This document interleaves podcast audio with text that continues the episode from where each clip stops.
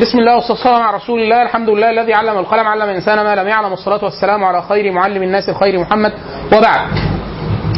فمما يخفى على كثير من الناس أن آه، يعني دائما ما يتردد على ألسنة الناس قديما وحديثا. آه، مصطلح الإعجاز الإعجاز إعجاز القرآن. إعجاز القرآن. فإذا ذكر المصطلح آه، في ناس دماغها بتروح على طول للإعجاز اللغوي أو البياني أو الفصاحة. فيقولوا إن القرآن آه، خص خصائص القرآن الإعجاز البياني. والعرب الفصحاء آه، لما نزل بين ظهرانيهم القرآن والمؤمن والكافر الاثنين كان استقبالهم لهذا النص استقبال يعني إيه آه، في قدر كبير جدا من الدهشة والأخذة مع هذا النص الفصيح الذي فاق كل فصاحة كانت لديهم في القول والشعر والحكمة والنثر. وفي ناس بتقول لا والله ده القرآن آه، فكرة الإعجاز التشريعي إن هو وضع قوانين آه، وأشياء تصلح عليها أحوال الناس في كل زمان وكل مكان فهو ده الجانب المهم. وفي ناس بيقولوا والله لا الإعجاز العلمي القرآن دائما يتكلم عن أشياء في كل عصر لما العلوم تطورت وتصور الناس عن الفيزياء والعلوم ال يا سلام آه عن العلوم ال... إحنا مهندسين زي بعض. حبيبي عشان مهندس بس. آه، ففي ناس بتقول إن الإعجاز ال- الفيزيائي والكوني والفلكي وبتاع هو ده إذا قيل إعجاز يعني يقصد بده. وفي ناس بتقول أصلا إن كلمة إعجاز دي دخيلة على المصطلح أصلا وعلى اللغة زي الأستاذ محمود شاكر وبيقول إن هو لا كان إعجاز ولا حاجة. كلمة إعجاز دي ما كانش مقصود بها يعني ما اتذكرتش لا في نص قرآني ولا في سنة ولا أي حاجة. ده هو كانت آية.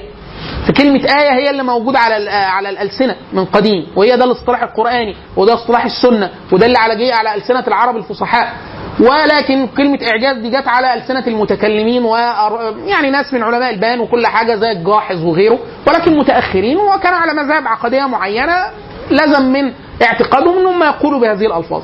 فالشاهد إحنا عندنا عدة تخيلات أو تصورات لفكرة ال ال الإعجاز إذا صح صحت العبارة يعني أو آه، كون القرآن آية فين مكمن ال- الانبهار أو الدهش مع هذا النص. طيب الجزء الأول متعلق ب آه، تعامل ال- العرب ال- الأول مع النص إن هو عندنا نص واثنين وثلاثة وأربعة ان اللي آمن واللي كفر. اللي آمن واللي كفر. إن هم كان تلقيهم للقرآن يعني دايما بيبقى في قدر كبير جدا من الدهشه أو قدر كبير جدا من الزلزلة. يعني يعني بيحس إن في حاجة غير أي حاجة سمعها من كلام الناس. فسيدنا أنيس أخو سيدنا أبو ذر الغفاري سيدنا أبو ذر الغفاري سأله قال له هل سمعت أو رأيت الرجل الذي يدعي أنه نبي في مكة؟ وأنه كانوا من غفار مش من مكة يعني. فقال نعم رأيت أو سمعت سمع النبي صلى الله عليه وسلم. فقال كيف وجدته؟ فقال وضعت كلامه على أقراء الشعر فلم يلتئم على شيء منها وإنه لصادق وإنهم لكاذبون. يعني هو بيقول له هم بيقولوا عن النبي شاعر وهو سيدنا أنيس على حظهم شاعر. وراجل عربي فصيح. فقال فوضعت كلامه يقصد القرآن على أقراء الشعر يعني على الأوزان البحور المختلفة فلم يلتئم على شيء منها. يعني ما يشبهش أي شيء من الشعر. إذا قيل لكم تفسحوا تفسحوا. ولا انت هتاخد الشنطة وتمشي؟ آه طب. لا لو عايز عايزهم يتفسحوا خليهم لك يتفسحوا. يعني طيب. ف... فسيدنا أنيس ال- الجانب البياني تبين جدا إنه ده مش إيه؟ مش شعر. مش شعر. وكذا آه لسه الرواية اللي كنا بنقولها بتاعت سيدنا ضماد. لما سمع آه دعاء الاستفتاح من النبي صلى الله عليه وسلم فقط فقط آه قال له عيد الكلام عيده مرة اثنين ثلاثة وبعد كده قال له إيه؟ أشهد أن لا إله إلا الله وأنك رسول الله مجرد من كلام الناس لأنه حس إن في حاجة مختلفة شوية ده بيان النبي وهو أفصح الناس لكن حس إن في حاجة مختلفة وسيدنا عمرو بن الجموح الأنصاري آه لما كل أولاده سبقوه للإسلام وكانوا عاملين إن هم ما أسلموش لأن هم قايل لهم ما حدش يقعد مع رسول رسول الله اللي هو سيدنا مصعب بن عمير. خلاص سيدنا مصعب هو كان رسول الله آه، لأهل المدينة. اللي الناس يعرفوه عن ال- الإسلام حتى ما يعرفوش شكل النبي. والدليل إن الأنصار لما شالوا السلاح ولما عرفوا إن النبي داخل المدينة عشان يحموه لما دخل النبي ما كانوش عارفينه. إلا الناس اللي شافته في البيعة اللي هو عدد قليل جدا. أما النساء والأطفال وبقية الرجال مشتبهين لدرجة معظمهم ظن إن أبو بكر هو النبي. حتى جاءت الشمس على النبي صلى الله عليه وسلم فقام أبو ذر آه، أبو بكر الصديق يظلل النبي صلى الله عليه وسلم برداء واقف عليه يضلله عشان الشمس ما تجيش عليه. فأول ما عمل كده ففهموا أن النبي صلى الله عليه وسلم هو الجالس وأن يعني القائم بالظل بتاعه هو أبو بكر الصديق. فهم هم اللي يعرفوا يعني الإسلام واسلموا الاسلام يعني والإيمان ضرب في قلوبهم وكذا بإيه؟ بالقران هم شافوا سيدنا مصعب وسمعوا القرآن. فالقرآن ده هو اللي تج- اللي تفاعلوا معاه. سيدنا عمرو عمرو بن جموح كان على مذهب الخو... الأوس والخزرج في عبادة الأصنام كان بيعبد مناه صنم. عامل له صنم في البيت؟ عامل له نسخة يعني. واخد واخد يعني آه فرنشايز. واخد. فأولاده قعدوا إيه يعملوا له عامله كده في الصنم. كل شوية يصحى ما يلاقيش الصنم. خدوه ارموا له في مزبلة خدوه ارموا له في حتة. كل شوية ياخده وينضفه ويحطه. ويقول له أنا لا أعرف اللي بيعملوا فيك كده ما أنا بعد كده مرة لما زهق راح حط سيف سيف في عنق الصنم فقال يعني إيه أنا لو أعلم من يؤذيك فيعني لقد أوقعت بهم كذا وكذا ولكن ادفع الأذى عن نفسك مسألة إيه؟ ما يعني منظرك بيه وحش. فالتاني يوم لما جه لقيه متاخد والسيف متاخد من عنقه ومرمي في مزبلة المدينة. حتة الناس بترمي فيها وسخات بص كده. قال له لا ما يعني. فسأل ولاده. قال لهم يعني أو قبل يعني بعد أو قبل. فبيقول له قال لهم يعني حد فيكم سمع مصعب؟ فهو محرج عليهم. فقالوا له لا إحنا سمعنا حد سمع منه. فقال أيوه بيقول إيه بقى؟ فبيقول إيه؟ فقال يقول يا أبتي سيدنا معاذ أو ماعز أو خالد من أخ... واحد من ولاده يعني. فقال يقول بسم الله الرحمن الرحيم الحمد لله رب العالمين الرحمن الرحيم. قرأ عليه الفتحة حتى أتمه فلما سمع قال ما أحسن هذا الكلام وما أجمله. ده سمع الفتحة. سيدنا عمرو بن وقال أكل كلامه مثل هذا؟ كله كده. فقال أحسن يا أبتي. فما زال فما زالوا به حتى أسلم. سيدنا عمرو بن جمع قتل يعني ومات شهيدا في أحد. خلاص. فده سيدنا عمرو بن جموح يعني إيه؟ بل إيه مثال من العجم المعاصرين. واحد مش عربي خالص. مش عربي بس في جانب دايما الناس بتتصور الفصاحة يعني فصاحة اللغة اللغة. لا فصاحة البيان التدليل على الفكرة أحيانا بطريقة مغايرة زي سيدنا ضماد مع النبي. لما النبي قال له إن إن الحمد لله نحمده ونستعينه آه، ما يهدي الله فلا مضل له وما يضلل فلا هادي له وأشهد أن لا إله إلا الله وحده لا شريك له وأن محمدا عبده ورسوله. أما بعد فقال أعد عليها كلماتك هؤلاء. فلما عادهم مرة واثنين وثلاثة قال له لا أنت نبي. طب إيه اللي حصل؟ الكلام واحد. أمال إيه الجديد البيان؟ المعنى ده بتاع تعظيم الله عز وجل والهداية والضلال وبتاع مش عارف إيه ده جديد. البيان ده واضح جدا. دخل قلبه آمن. خلاص؟ جيفري لانج أستاذ الرياضيات الملحد بيقول أهدي نسخة من القرآن. مترجمة آه، معاني الكلمات إلى اللغة الإنجليزية. فلما أخذ في القراءة قصة كده مشهورة بيقول إن أنا شحنت كتبي قبل ما انتقل كان في مجموعة من الطلبة المسلمين بيحضروا عنده. والمسلم كالغيث أينما حل نفع. في أي حتة رايح أهو يقول لك يمكن نطلع بزبون يسلم ولا حاجة معانا. فإيه؟ فادوا له عارفينه ملحد. بص الغلاسه يعني واحد يقول لك إيه؟ يا عم ده ملحد. ادوا له نسخة من معاني آه، ألفاظ القرآن الكريم بالإنجليزية وهي ليست القرآن وليست هي كلام الله عز وجل بس فيها قدر من النور وقدر من البيان. فادوا فخدوه شكرهم حطوا في المكتب قال ولا كأنه بصته قال لما نقلت كتبي اتنقل من جامعة لجامعة. من جامعة لجامعة. فشحن كل الكتب. ما عدا الكتاب اللي كان هدية في المكتب حطه في الايه في الشنطة ال- ال hand bag بتاعته. لما راح البيت الكتب لسه ما وصلتش وبيقول ما جايليش نوم. ودايما سبحان الله وكأن جند الله عز وجل. يعني يتنقل ده جند من جند الله عز وجل. إنه يجي له أرق جند من إن الأخ المسلم الغلس ده اللي اداله المصحف وهو عارف إن هو ملحد برضه جند من الجند. في الآخر قال لك إيه؟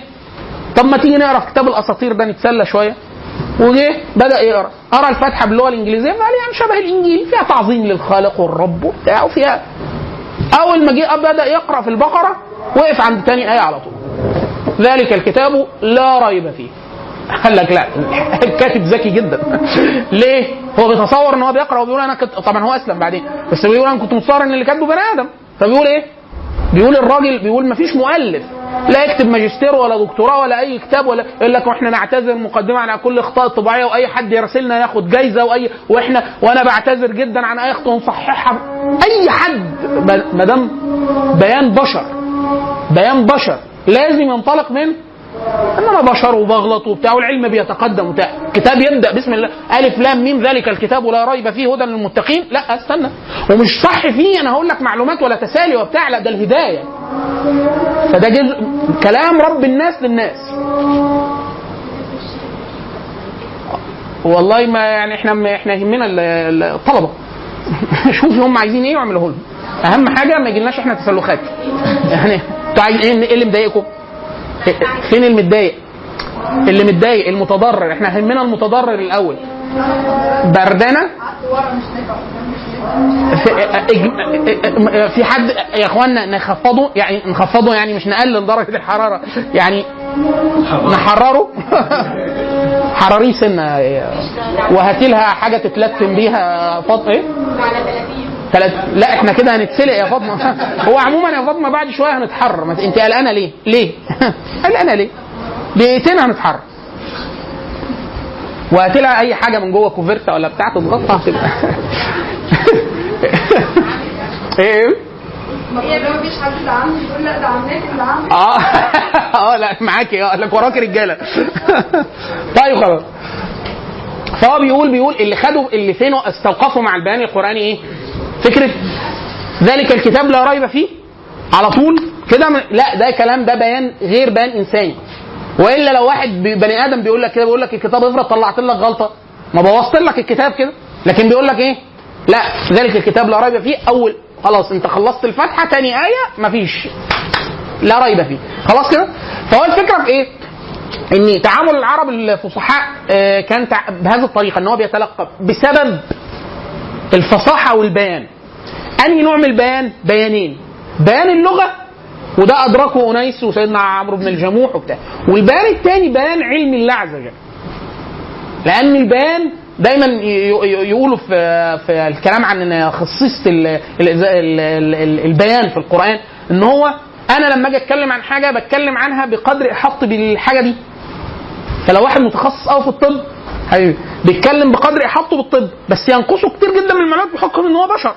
فرب العزة لما يجي يتكلم عن أي شيء فهو علم الله عز كلامه هو بيانه وبيانه هو علم الله عز وجل فعلم الله عز وجل تام. فبيأتي الكلام تام البيان بهذه الطريقة. عشان كده ما من أحد يتعرض للقرآن من أي ناحية من النواحي إلا ويصيبه قدر من هذا البيان.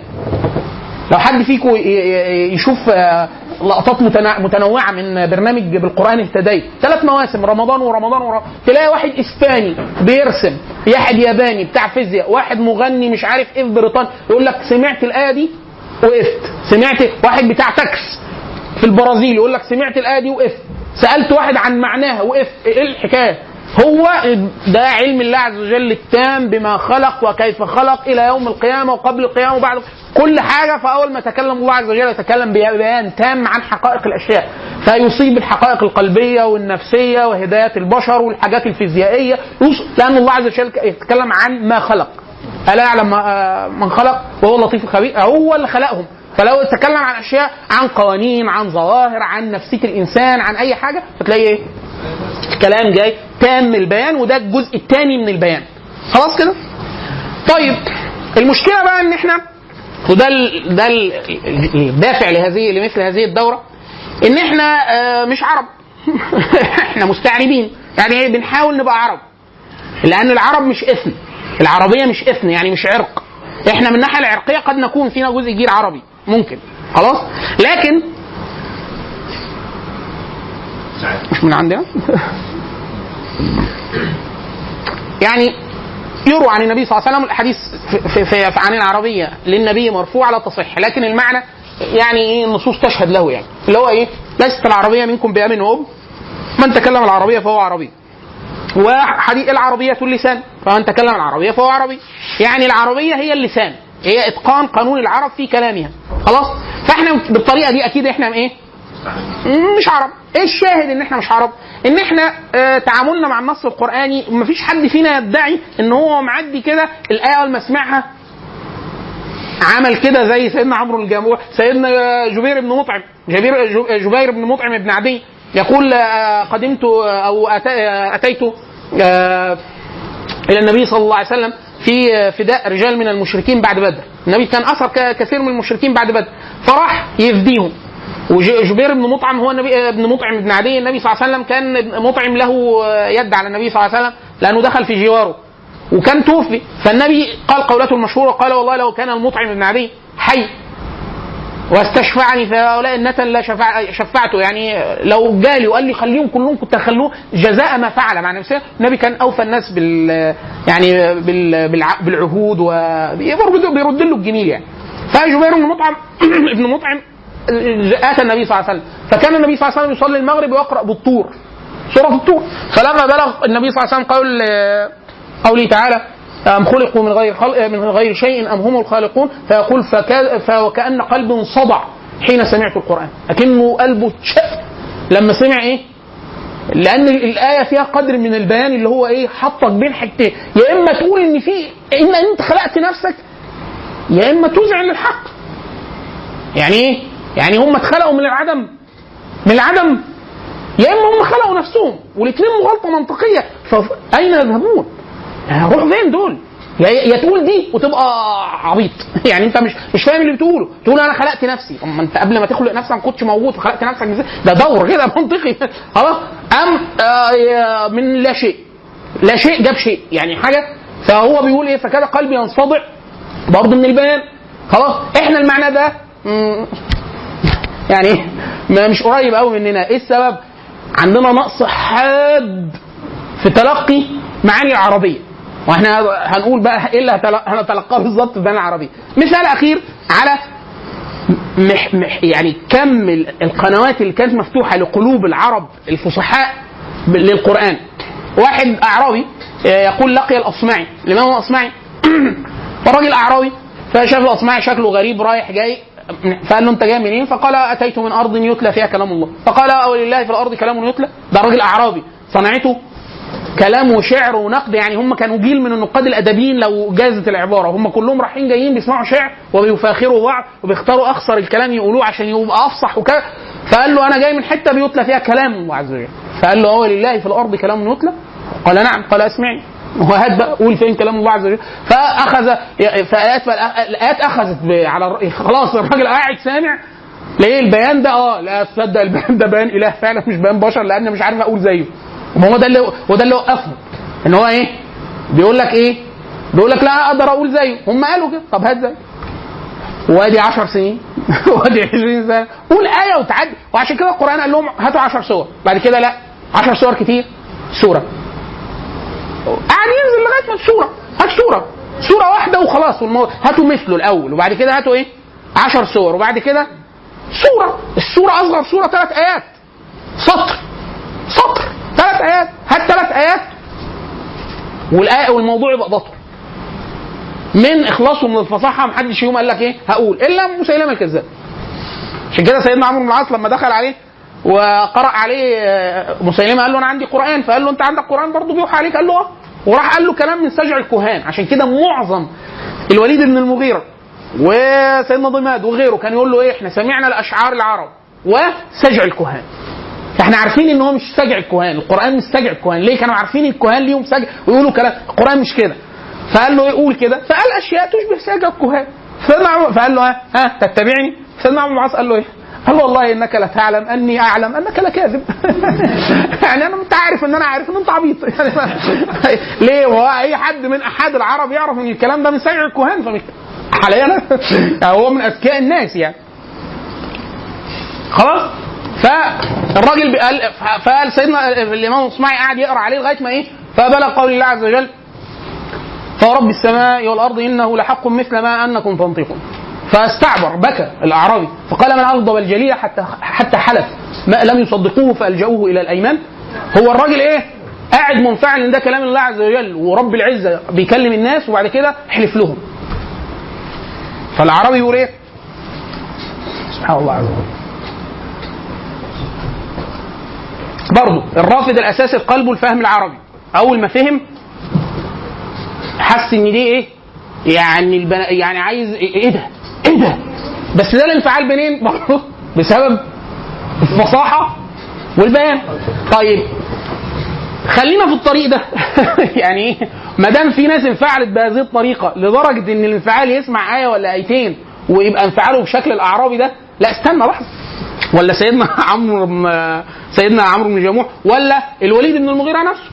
أو آه، في حد من صناديد الكش- الكفر إما الوليد أو غيره. لما النبي صلى الله عليه وسلم سمع منه بعد كده قال له آه، هل فرغت يا أبا الوليد؟ قال نعم. قال فاسمع اذا فقرأ عليه. أظن من سورة صاد أو كذا. فلما بلغ عند الوعيد وآيات آه، عذاب قوم ثمود وبتاع فقام وراح حاطط إيده على بق النبي قال له ما تكملش. الله! وهو ظل كافرا بعد لقاء النبي صلى الله عليه وسلم. لكن أخذ به الوعيد لدرجه هو من جواه. مصدق إن ده كلام الناس كلام رب الناس.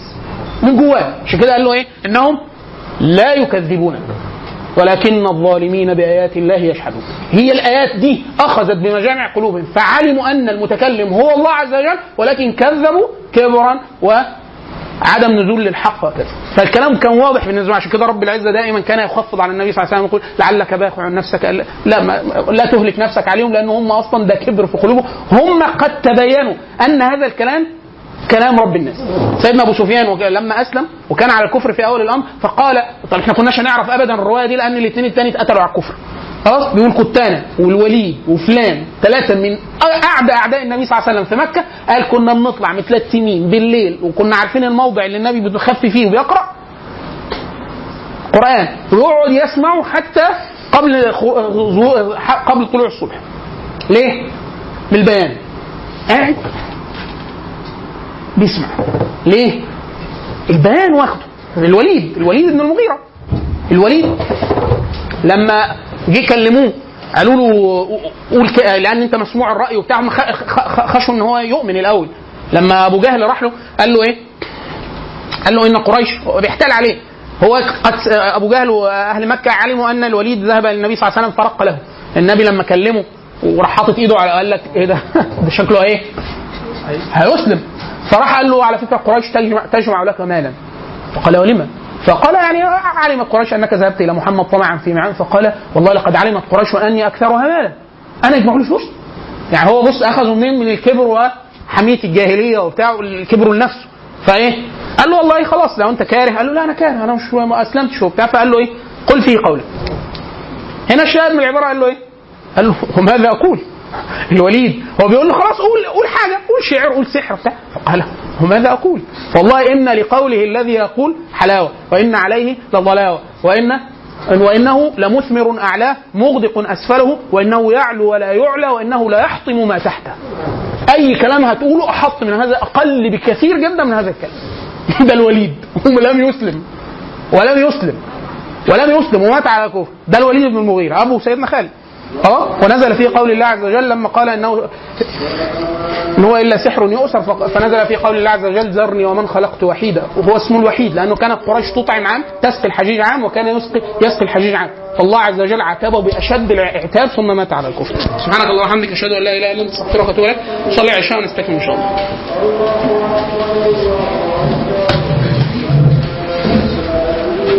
أنا عملت هود عملت احمق يعني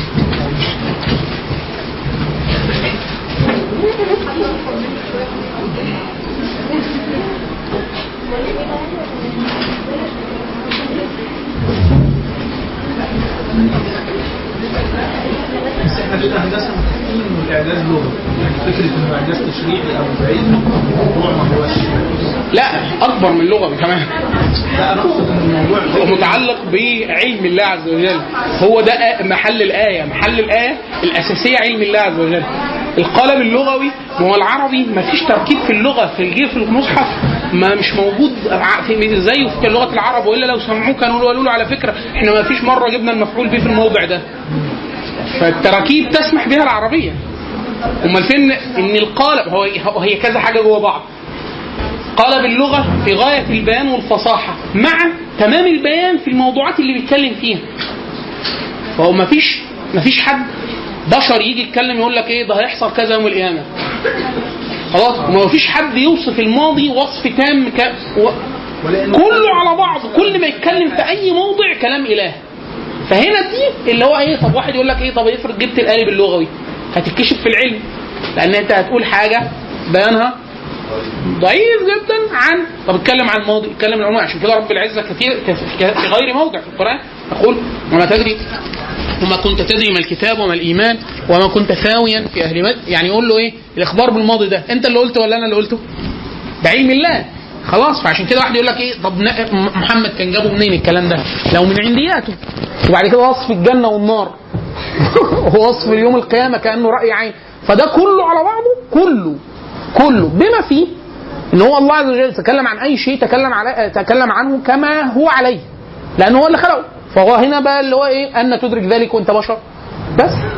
وإلا يعني حتى كلام في الشعرية الشعرية. ما في بعض بعض آيات القرآن تلتئم على شطر من أشطار ال- الأوزان. زي انا أعطيناك الكوثر. ما دي على شطر. بس مش شعر ليه؟ لأنه الشعر يل- يلزم إن هو يكون أكتر من بيتين عشان يبقى مقفر. وهكذا. فالقصد إن العربي سكتوا كل الكلام على بعضه. إن هو آية والبيان وكلهم إيه اللي خلاه انفعل هذا الانفعال لأقصاه؟ الرافد العربي. عشان كده إحنا إيه؟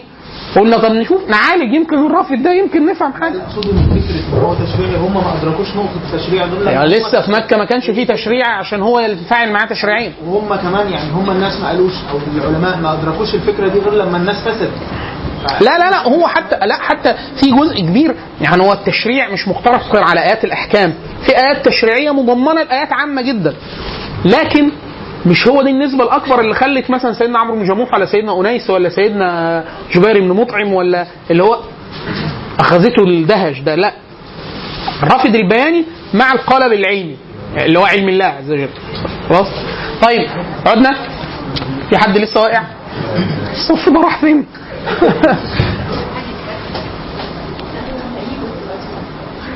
إحنا آخر حاجة كنا بنقولها إيه؟ سفيان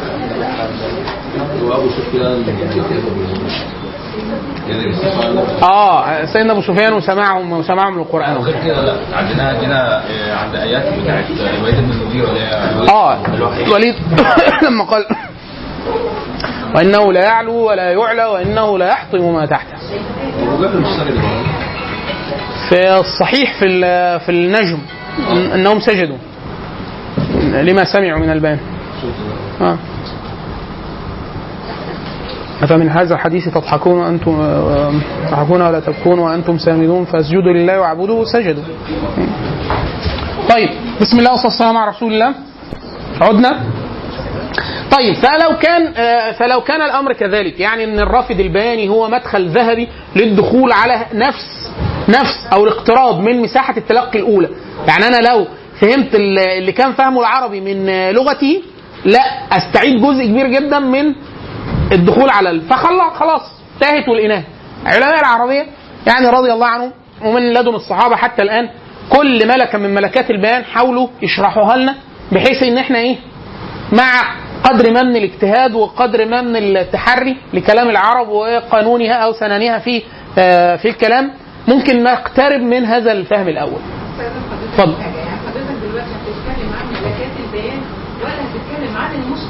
ما أنا جاي دلوقتي ما أنا هقول هقول هقول إحنا هنعمل إيه. البرنامج هنقول إحنا هنعمل إيه فإحنا عشان نقترب من ده عايزين خلاص يبقى نتعامل مع النص القرآني كله من الناحية البيانية ده ما ده أمر يطول جدا يعني المصحف كله طيب القرآن كله آه تقريبا يقترب من 77441 كلمة.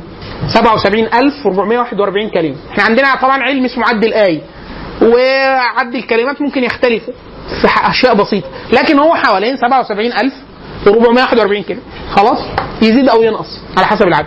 فده رقم كبير جدا من الكلمات. أنا عشان أفهم النص كله لازم أفهم 77000 كلمة؟ ده أمر يطول جدا.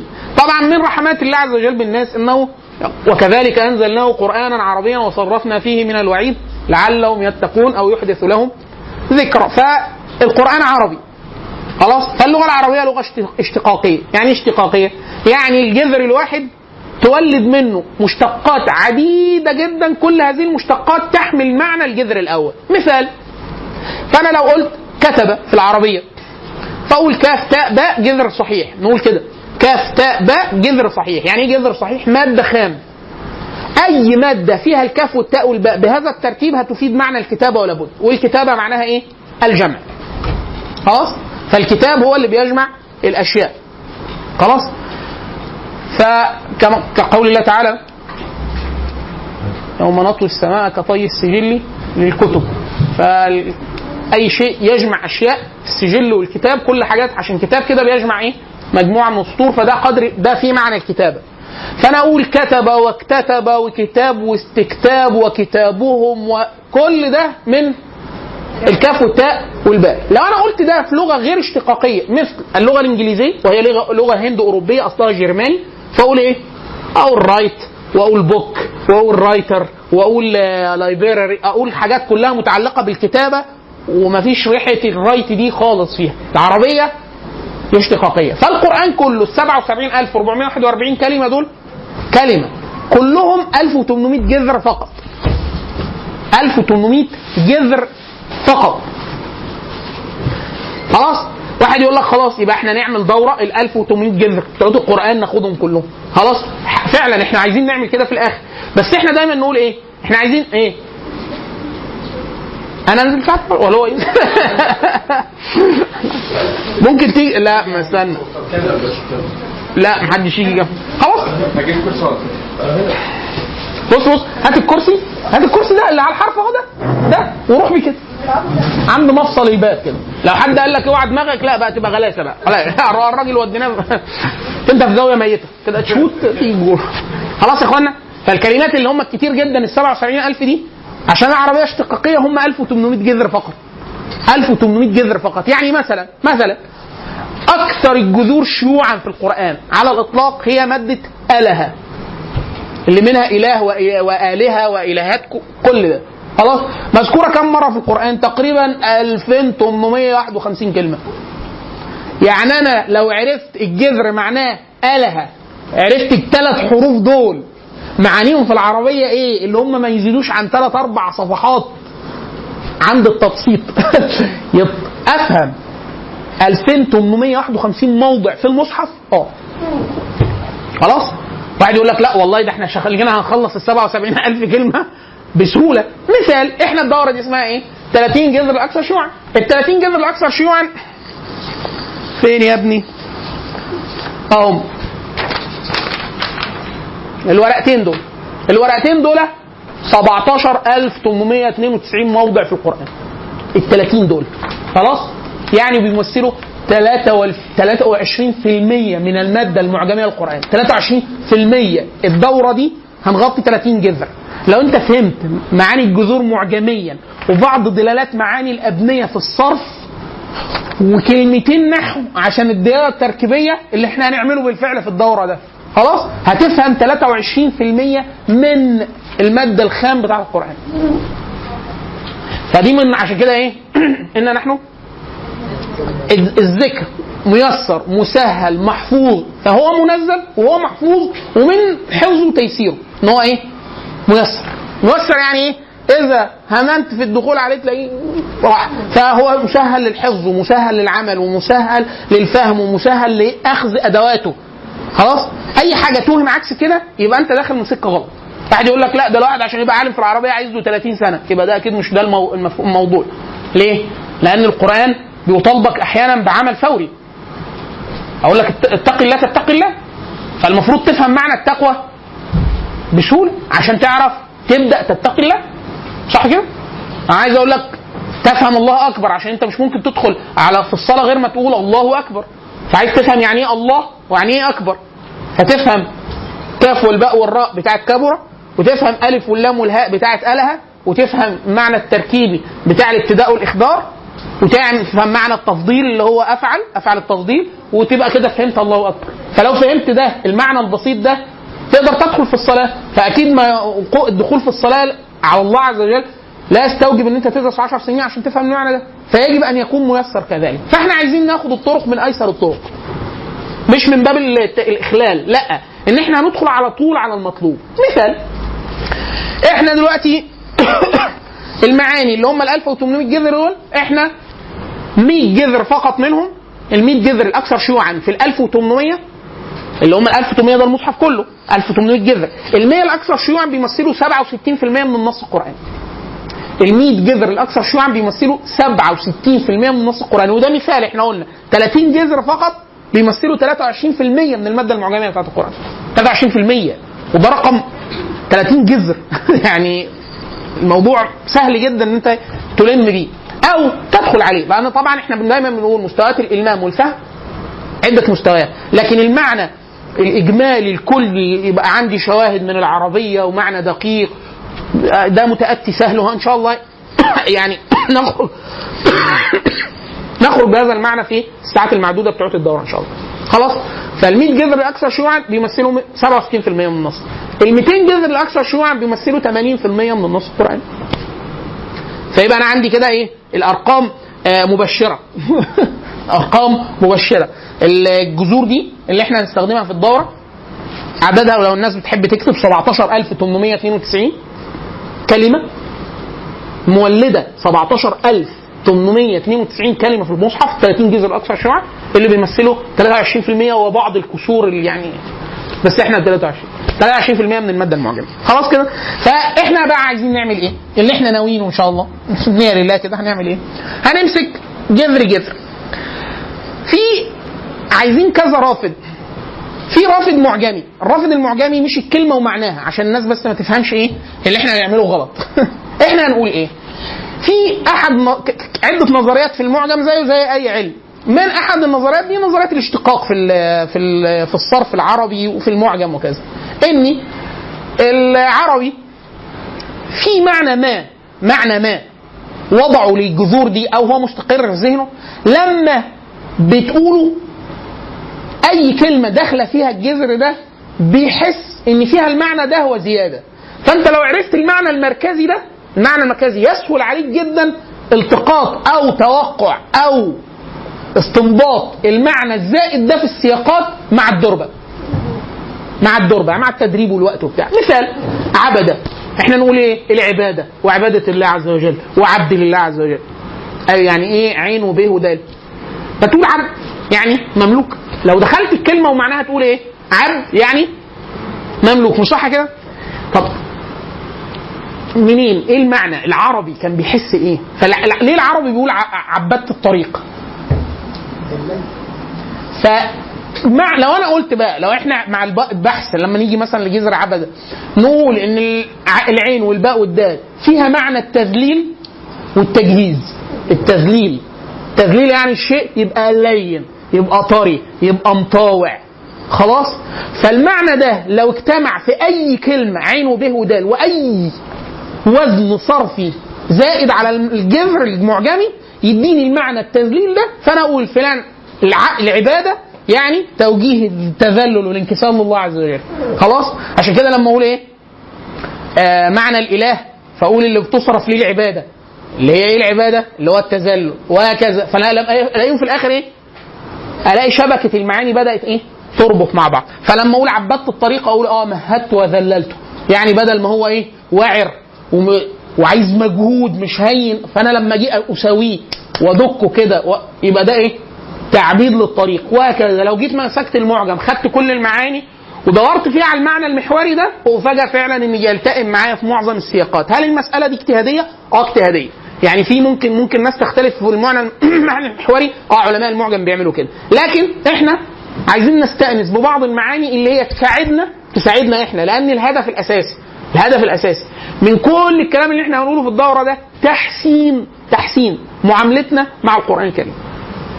بدل ما أنت عمال تقول إيه بص أنا هقعد ثلاث ساعات كام حسنة أدي الكالكوليتور حلو تمام. رمضان ختم. ما انت لو انتفعت بآية قد يقع في قلبك ما وقع في قلب الأعرابي. اللي هو لما سمع قول الله عز وجل آه، فمن يعمل مثقال ذرة خيرا يرى ومن يعمل مثقال ذرة قام بكى ومشي. الكلام أخذه. ليه؟ فقال إن هو يعني لا إحصاء دقيق. هو اللي فهم إيه؟ فهم المعنى اللي أنت عايزينك لو فهمته تستقيم على أمر الله ولا تعصيه. هو فهم المعنى ده. اللي هو إيه؟ بس هو فهمه من أقصر طريق. إيه هو اقصر طريق؟ ان هو فهمه لأنه كان بيتكلم باللسان بتاعه. خلاص فإحنا عايزين نعمل ده. يعني إحنا هدفنا على الحقيقة هدف تزكوي. مش هدف لغة. يعني وإحنا عايزين نحسن من علاقتنا مع القرآن. ليه نحسن من علاقتنا مع القرآن؟ لأنه قد صح عن عمر بن الخطاب رضي الله عنه أنه لما توفي النبي صلى الله عليه وسلم قام في الناس وقال والله ما مات رسول الله صلى الله عليه وسلم وأخذ يعني إيه في هذا الكلام. فلما يعني حسم الأمر أبو بكر الصديق فهدأ عمر ثم بويع أبو بكر الصديق فقبل أن يعتلي أبو بكر الصديق المنبر اليوم التالي فصعد قبله عمر بن الخطاب وكلم الناس فقال والله لقد قلت أمس مقالة ولم تكن كما قلت. بص انصافه من نفسه فقال أنا اللي قلته غلط. وهذه المقالة التي قلتها على رؤوس الناس ليست في كتاب الله. خلاص؟ وليست في عهد قد عهد آه، عهد به النبي صلى الله عليه وسلم إلي. عشان ما حدش يفتكر إن أنا أقول لك عمر لا ما يقولش عمر من عنده كده. يا إما في القرآن يا إما في السنة. قال لهم أنا غلطان. واللي أنا قلته لا في الكتاب ولا في السنة. خلاص؟ ومحل الشاهد قال إيه؟ وبين أيديكم. الكتاب الذي هدى الله به رسوله. كلمة كبيرة جدا. يعني أما النبي النبي صلى الله عليه وسلم فهو عبد الله ورسوله. فقبل أن يكون رسول الله عز وجل كان بشرا. فالبشر ده إيه المعنى الإضافي اللي خلاه رجل لا يقرأ ولا يكتب ومن أحد الناس من الب... من العرب يعني؟ خلاص ثم يصير سيد الخلق إلى يوم القيامة. فهذا الكتاب الذي هدى الله به رسوله. الكتاب ده. مفيش أي إضافة تانية؟ لا. مفيش أي رافد تاني؟ لا. طب رافد حضاري؟ لا. طب رافد آخر؟ لا. أي معلومات إضافية؟ هذا هو الكتاب الذي هدى الله به رسوله. قال فخذوا به تهتدوا إلى ما إلى ما هدي إليه رسول الله صلى الله عليه وسلم. كلمة كبيرة جدا. فأنت واحد يقول لك إيه، إحنا عايزين نبقى زي الصحابة. ماشي. شوف الرافض اللي تعرضوا ليه. إيه الرافض؟ والله المفاجأة ان هو القرآن. خلاص؟ طب أنا مش فاهم القرآن. افهم القرآن. لو فهمته قد تنفعل بمن فعلوا به. إيه اللي يتبقى؟ العمل والاجتهاد وحسن التعرض. وإلا قد تعرض لأبو جهل. ففهم وأنكر. وواحد تاني فهم و يعني خضعت قلوبهم وابدانهم لما سمعوا من الحق. خلاص كده؟ فهو ده المعنى. يعني إحنا إخواننا إحنا بنجتهد مع بعض. في الجلسات دي هنعمل إيه؟ هنحسن جدا النافذه عارف لما واحد يكون إيه؟ بينك وبين آه، يقول لك أنا النت ضعيف عندي. فيقول لك إيه؟ بص هو الكابل كله أتاريه مقطوع وكان باقي لك واقف على. فواحد يقول لك إيه؟ أنا هجيب لك هرمي لك بتاع ألياف ع- اسمها اللي هي بتاعة الليزر آه ألياف ضوئية. فاحسي أيوه هو المصدر بيبث نفس الكلام. يعني القرآن هو هو. أثره في النفوس هو هو. يعني أنا لو تعرضت له ابقى زي الصحابة النبي صلى الله عليه وسلم يقول أمتي كالمطر لا يدرى أولها خير أم آخرها. يعني المط- المطر يقول لك مين فيهم آه، اللي ينبت الكلأ ويحيي الأرض وكذا؟ ما تعرفش أوله ولا آخره انه كله خير. فقال النبي صلى الله عليه وسلم أمتي كالمطر. لا يدرى اوله يعني أنا أجي في آخر الزمان وابقى زي الصحابة لا. ده النبي صلى الله عليه وسلم قال المستمسك بمثل ما أنتم عليه بمثل ما أنتم عليه. إيه هو إيه اللي مثل؟ مع برضه ما فيش غير في حاجة ثانية ما فيش. والله هي المفاجأة كده ما فيش. خلاص في كتاب يعني الشاي بالشاي يذكر عشان بس إيه آه، الكلام اللي إحنا بنقوله ده يا اخوانا يعني لو ركزنا شوية لحقنا رمضان. يعني نسأل الله عز وجل أن يعني يبلغنا وإياكم رمضان على الإسلام والتقى والتوحيد. في الحافظ ابن عبد الحافظ ابن رجب الحافظ ابن رجب الحنبلي وهو من الناس اللي كلامهم عليه نور.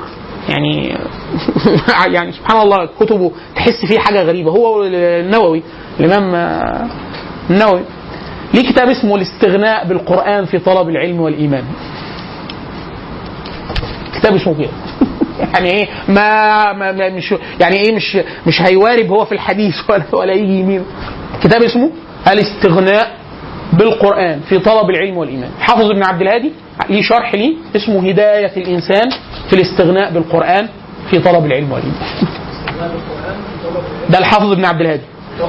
آه بحرق اللي هو الحضرمي الحضرمي الشافعي. لو كتاب مختصر لو واحد يقول لك إيه آه طب أنا عايز أقرأ المختصر. فمختصر الكتاب كله الاستغناء يوجد فيه مظنتين يعني موضعين يعني. ذخيرة الإخوان لا بس أنتوا كده تتمسكوا هو اسم الكتاب ذخيرة الإخوان للاستغناء بالقرآن. في طلب العلم والإيمان. الله هو اسم الكتاب كده لبحرق الحضرمي الشافعي. خلاص؟ والحافظ ابن رجب نفسه حافظ ابن رجب جمعت رسائله في خمس مجلدات. خلاص؟ في في آخر في آخر فصل آخر جو- مجلد. المجلد الخامس مرفوع بي دي إف. طبيعتها دار الفريق فاروق الحديثه للطباعه الجزء, الخامس فيه فصل صغير فيه م- آ- آ- نصوص كثيرة جدا شبه مختصر للكتاب بس النصوص الأصلية بتاعت ابن رجب مباشرة. يعني ما حدش اختصرها هو رسائل ابن رجب مجموعة لأنه الكتاب حقق بس للأسف في رساله دكتوراه حتى الآن ما طبعش طبعة كاملة يعني. لكن إحنا عندنا في إيدنا المختصر. ولكن في هذا الفصل اللي هو بعض النصوص من كتاب الاستغناء بالقرآن في طلب العلم والإيمان كفاية وزيادة يعني المعنى اللي إحنا عايزين ندندن حواليه كله روحوا اقروا الكلمتين دول هو ده اللي إحنا عايزين نقوله الكتاب اللي إحنا الأصلي اسمه إيه؟ الاستغناء بالقرآن في طلب العلم والإيمان للحافظ ابن رجب. الكتاب معمول رساله دكتوراه مش مطبوعة يعني بين يدي الناس. طب نوصل له إزاي؟ يا إما تروح لرسائل مجموع رسائل ابن رجب اللي منشور خمس مجلدات في المجلد الخامس في فصل صغير ما يزيدش عن 10 أو 20 صفحة. نصوص مأخوذة من كتاب الاست- اسمه كده هتلاقيه كده الاستغناء يعني دوروا في الفهرس لغاية ما تلاقوا كلمة است- الاستغناء بالقرآن في طلب العلم والإيمان. مجموعة من النصوص اللي متاخده من الكتاب يعني ده مش أصل الكتاب ده جزء بسيط منه بس حاجة يعني فوق الروعة. أو رسائل ابن رجب. ثواني يعني هو بالقران ده أصلا مش مضمون لا مش مطبوع ده محقق, محقق في رسالة دكتوراه أربع مجلدات في السعودية بس ما اتنشر ما اتطبعش. موجود نسخة يعني. ومنشور منه الجزء الأول فقط المحقق ده بس ال font بتاعه ضارب. بتاع الآيات. مرفوع PDF ضارب. هو ده هو ده. أو كتاب بحرق اليمني اللي هو الحضرمي اللي قلنا عليه اللي هو ذخيرة الإخوان في الاستغناء بالقرآن عن طلب في طلب العلم والإيمان. ده مطبوع صغير جدا. بس برضه يعني إيه؟ يعتبر اختصار للكتاب ففي في قدر من الهدايات اللي موجودة جوه ال جوه ال الشرح موجود يا هندسه ابن عبد الهادي؟ والله أظن ممكن يكون موجود أظن بس أنا ما تتبعتوش. أنا كنت اللي, اللي, عار- اللي اللي عارف إنه موجود وهجيبه قريب. هجيبه ناو- ناوي, ناوي. هجيبه وأطبعه. اوزعه بقى اللي هو الرسالة. رسالة دكتوراه طب أنتوا حق عملتوه حققتوه. جزاكم الله خير. فين فين فين الرسالة؟ مش موجود طب إحنا طب إحنا استفدنا كده حاجة؟ عايزين كده. السعودية. لا لا ما نزلتش كتاب. هي محققة في الجامعة. أربع مجلدات. متصورة. حد من إخواننا صورها بس بس بنبتزه دلوقتي. يا نبلغ يا يجيب الكتاب. خلاص. طيب فاحنا عايزين نعمل إيه؟ إن شاء الله. واحد هنجيب الجذر. اللي إحنا هنشتغل عليه. الجذور القرآنية اللي إحنا هنشتغل عليهم اللي هم ال 30 الأكثر شيوعا. اللي هو إيه؟ اله وقوله وكونه ورببه أنا طبعا ال- الورقتين دول طبعا يعني ال- الدورة دي لازم تاخدوا لها وثائق. لما من غير ورق يعني آه، ف. لو حد عايز يكتب ورايا يعني. اله وقوله وكونه ورببه بالترتيب. الترتيب اللي أنا بقوله ده هو ترتيب ورود يعني أكثر فالاكثر فالاقل فالاقل ورودا يعني. اله 2851 مرة. قوله 1722 مرة. كونه 1390 مرة. رببه 981 مرة. امنه آه. أنا طبعا بنطقهم على أساس إن هم أفعال لكن الصحيح إن إحنا بنقول كده. ألف واللام والهاء. لأنه جذر مش لكن إحنا بس من باب التسهيل في الكلام يعني. امنه 879 مرة. علم. 854 مرة. قاوم. 660 مرة. اتي 549 مرة. كفر. 525 مرة. بين 523 مرة. شيء 519 رسل. 513 أرض 461 أرض اللي هي منها أرض يعني. 461 أيها 382 عذب 373 عمل أو عمل 360 عمل يعني. جعل 346 رحم 339 طبعا أنا بقول الجذر يعني مشتقاته. آه، الرحمن الرحيم كل ده من المشتقات. أليا 331 رأي 328 كتب 319 هدايا 316 ظلم 315 سموى اللي منها سماء وسمي وكذا. 310 نفس اللي منها نفس و 298 قبل 294 نزل 293 ذكر 292 حقق 287 كذب 282 دول ال 30 جذر إن شاء الله اللي إحنا هنحاول نغطيهم مع بعض داخل الساعات ال- ساعات الدورة. عايزين نعمل فيهم إيه؟ الترتيب. ليه؟ لأن إحنا أهم حاجة مهم جدا إن اللي إحنا هنعمله ده نموذج. نموذج يعني؟ يعني إحنا ممكن نعمل الدورة دي وما نعملش تاني فيها. نكون خلاص مسكنا نسق الخيط أو ممكن نع- نعقب هذه الدورة بإيه؟ ال 30 تانيين يعني ال 30 الأكثر شيوعا بعدهم. وهكذا لغاية ما نكمل إيه؟ ال 100 ال 200 خلاص. بس إحنا حتى دول لو إحنا خلصنا ال 30 وما عملناش تاني المفروض حضراتكم تكونوا مسكتوا الخيط. فاحنا بنعمل إيه؟ يعني إحنا هنقول لكم اللي في المطبخ من جوه بنعمل إيه؟ إحنا بنروح على موقع اسمه corpus corpus قران corpus لو حد عايز يكتبها يعني. C O R P U S dot قران Q U R A N dot com ده عامله أخونا اريك اتول البريطاني المسلم أستاذ اللسانيات الحاسوبية في جامعة ليدز في بريطانيا. ومعاه فريق سعودي اردني وبتاع الحمد لله أنا زمان كنت هموت من الغيظ والله العظيم يعني كان قلبي ينفرق من الغيظ. ليه؟ لما عرفت ان هو اسمه اريك اريك اتول وعامل cor- corpus قرآن وده من أحسن المواقع على الإطلاق عن القرآن الكريم في ال- الجذور الأكثر شيوعا والإعلام والأفعال والإعراب وبتاع. وبعد كده يطلع م- غير مسلم. أمال إحنا قاعدين بنعمل إيه؟ في الآخر الحمد لله. الحمد لله. يعني مما خفف الواقع برضه بس برضه أنا ما زلت حزين يعني؟ إن هو مسلم. والإخوة اللي اشتغلوا معاه معظمهم مسلمين إن لم يكن كل الفريق مسلم يعني. في ليدز في بريطانيا. ما كانش مسلم الأول؟ لا لا مسلم.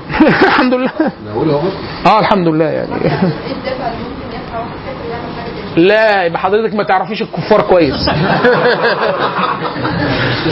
أوسع معجم. أوسع معجم لغريب ألفاظ الحديث النبوي على الإطلاق المعجم المفرس لألفاظ الحديث النبوي في التاريخ المعاصر مستشرق هولندي كافر لا يؤمن بالله واليوم الآخر. أكبر موسوعة للعلوم العربية وبتاع عاملها ناس بريطانيين لا يؤمنوا بالله واليوم الآخر. أحسن موسوعات معاجم من العربية للإنجليزية آه ومن الع- العربية للألمانية على الترتيب المعجمي بتاع معاجم العربية آه بتاع ويليام لين وبتاع هانز فير والاثنين كفار لا يؤمنوا بالله واليوم الآخر. حضرتك ما تعرفيش حاجة عن الكفار في التاريخ المعاصر أحسن واحد جمع أدب الجغرافي للعرب والمسلمين في التاريخ إغناطيوس آه كرتشوفسكي الروسي. بيعرف عرب أحسن مني ومنك ويعرف أحسن من علماء العربية المعاصرين. وهو مات قريب وغير مسلم ولا يؤمن بالله ولا يوم الآخر للاسف بيعملوا صح؟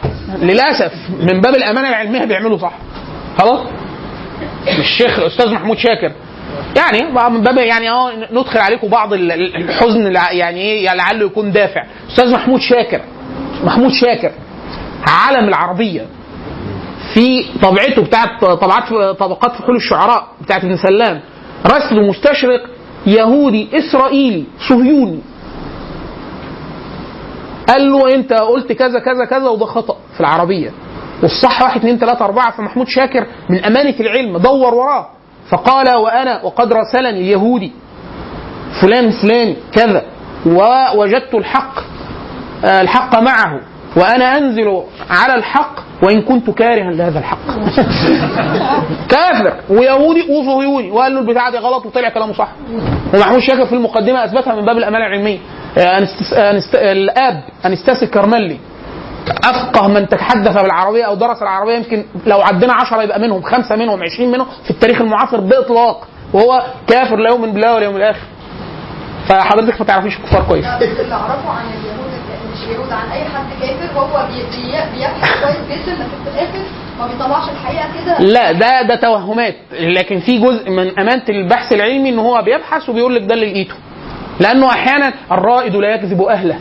هو مش بيعمل لك أنت ده بيكتب لهم هم. فهو لازم يكتب لهم كلام صح لأنه لو طلع غلط هم يتصورون على عكس حقيقتنا. كما نفعل نحن بأنفسنا. بنكتب حاجات غلط فلما بنيجي ننزلها على الواقع فنجدها لا تنطبق على الواقع فبنلبس الحيطة. لكن الكفار لا الرائد لا يكذب أهله هو بيكتب لهم هم. فبيقول لهم القرآن فيه كذا والحديث فيه كذا والفاظه كذا وترتيبها كذا ولو انت عايز تخش الحديث تعمل واحد اثنين ثلاثة أربعة ومش عارف إيه ليه؟ لأنه بيكتب له هو ما بيكتبلكيش انت. هو ما القرآن- الحديث النبوي عشان يرجو شفاعه النبي صلى الله عليه وسلم. هو لا يؤمن بالنبي أصلا. ده هو عايز يرتب لقومه كيف يصلوا إلى أحاديث نبي الإسلام. عشان بس لو عايزين يعملوا حاجة ولا بتاع فهو بيعمل الجهد ليه ليهم مش ليكي. خلاص؟ ولهذا يصدق في منهم كذا كثير. في منهم كذب آه في منهم بيشوهوا آه وبيشوهوا برضه الأغراض السياسيه عشان هو يبرر سياسة قوم. لكن عند التدقيق لا بيقول الكلام المظبوط. عند التدقيق بيقول الكلام المظبوط. طيب فإحنا خطوة أولى بنروح لإيه؟ corpus قرآن. بنعمل إيه؟ طبعا cor- corpus قرآن أنت دخلته على يعني إيه؟ بستان.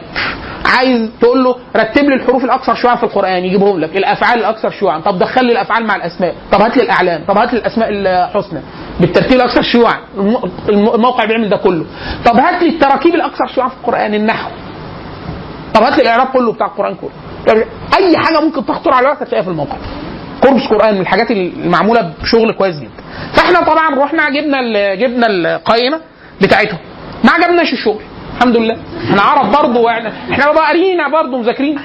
خلاص. والله قد قد فعلنا. إحنا تواصلنا معاهم وعملنا seminar معاهم في ليدز. يعني انا ومعانا حد من اخواننا الشيخ كريم المهيري ربنا يبارك في عمره عمل سيمينار ويعني وابدع هناك. قالوا له أنتوا عاملين شغل جامد وبتاع. ليه؟ لأن إحنا هم بيشتغلوا على ان. الانجليزية ما فيهاش جذو- جذور فيها جذوع اللي هي الستم فالكلمة عندهم كلمة على بعضها كده إحنا اشتري إحنا بنشتري راجل يعني هي كلمة على بعضها كلها. فاحنا ما عندناش كده إحنا عندنا جذور فأحيانا عليم وعلام ما نحطهاش في مادة علمة. حطها فين؟ في علم لوحدها. إحنا نقول مش عاجبنا الكلام ده. فاحنا رحنا المعاجم عاملها عرب مسلمين. ليه؟ لأنه ألصق للعربية. فبنروح للخطوه اللي بعدها نتأكد من الرقم اللي هم جايبينه. فهو مثلا ممكن يجيب الها فنروح نسأل موقع القران كوربس يا أخوانا ده مين أكبر جذر في القرآن؟ فيقول لك اله صح إحنا مطلعينه كده من المعاجم اللي هنقولها لكم دي. كام يا مولانا؟ يقول لك 2699 طب إحنا عادين وراكم؟ 2851 فين الفرق؟ هو ما بيعدش بالطريقة اللي إحنا بنعد بيها. ففي حاجات ما بيعدهاش. مين اللي بنضبط عليه العد؟ حتى الآن. يعني هو أدق حد إحنا بنضبط عليه بنضبط عليه العد الدقيق. ليه الجذور؟ للاشتقاقات الجذور. اسمه معجم كلمات القرآن الكريم. للأستاذ دكتور محمد زكي محمد خضر. إحنا بنديكوا إيه؟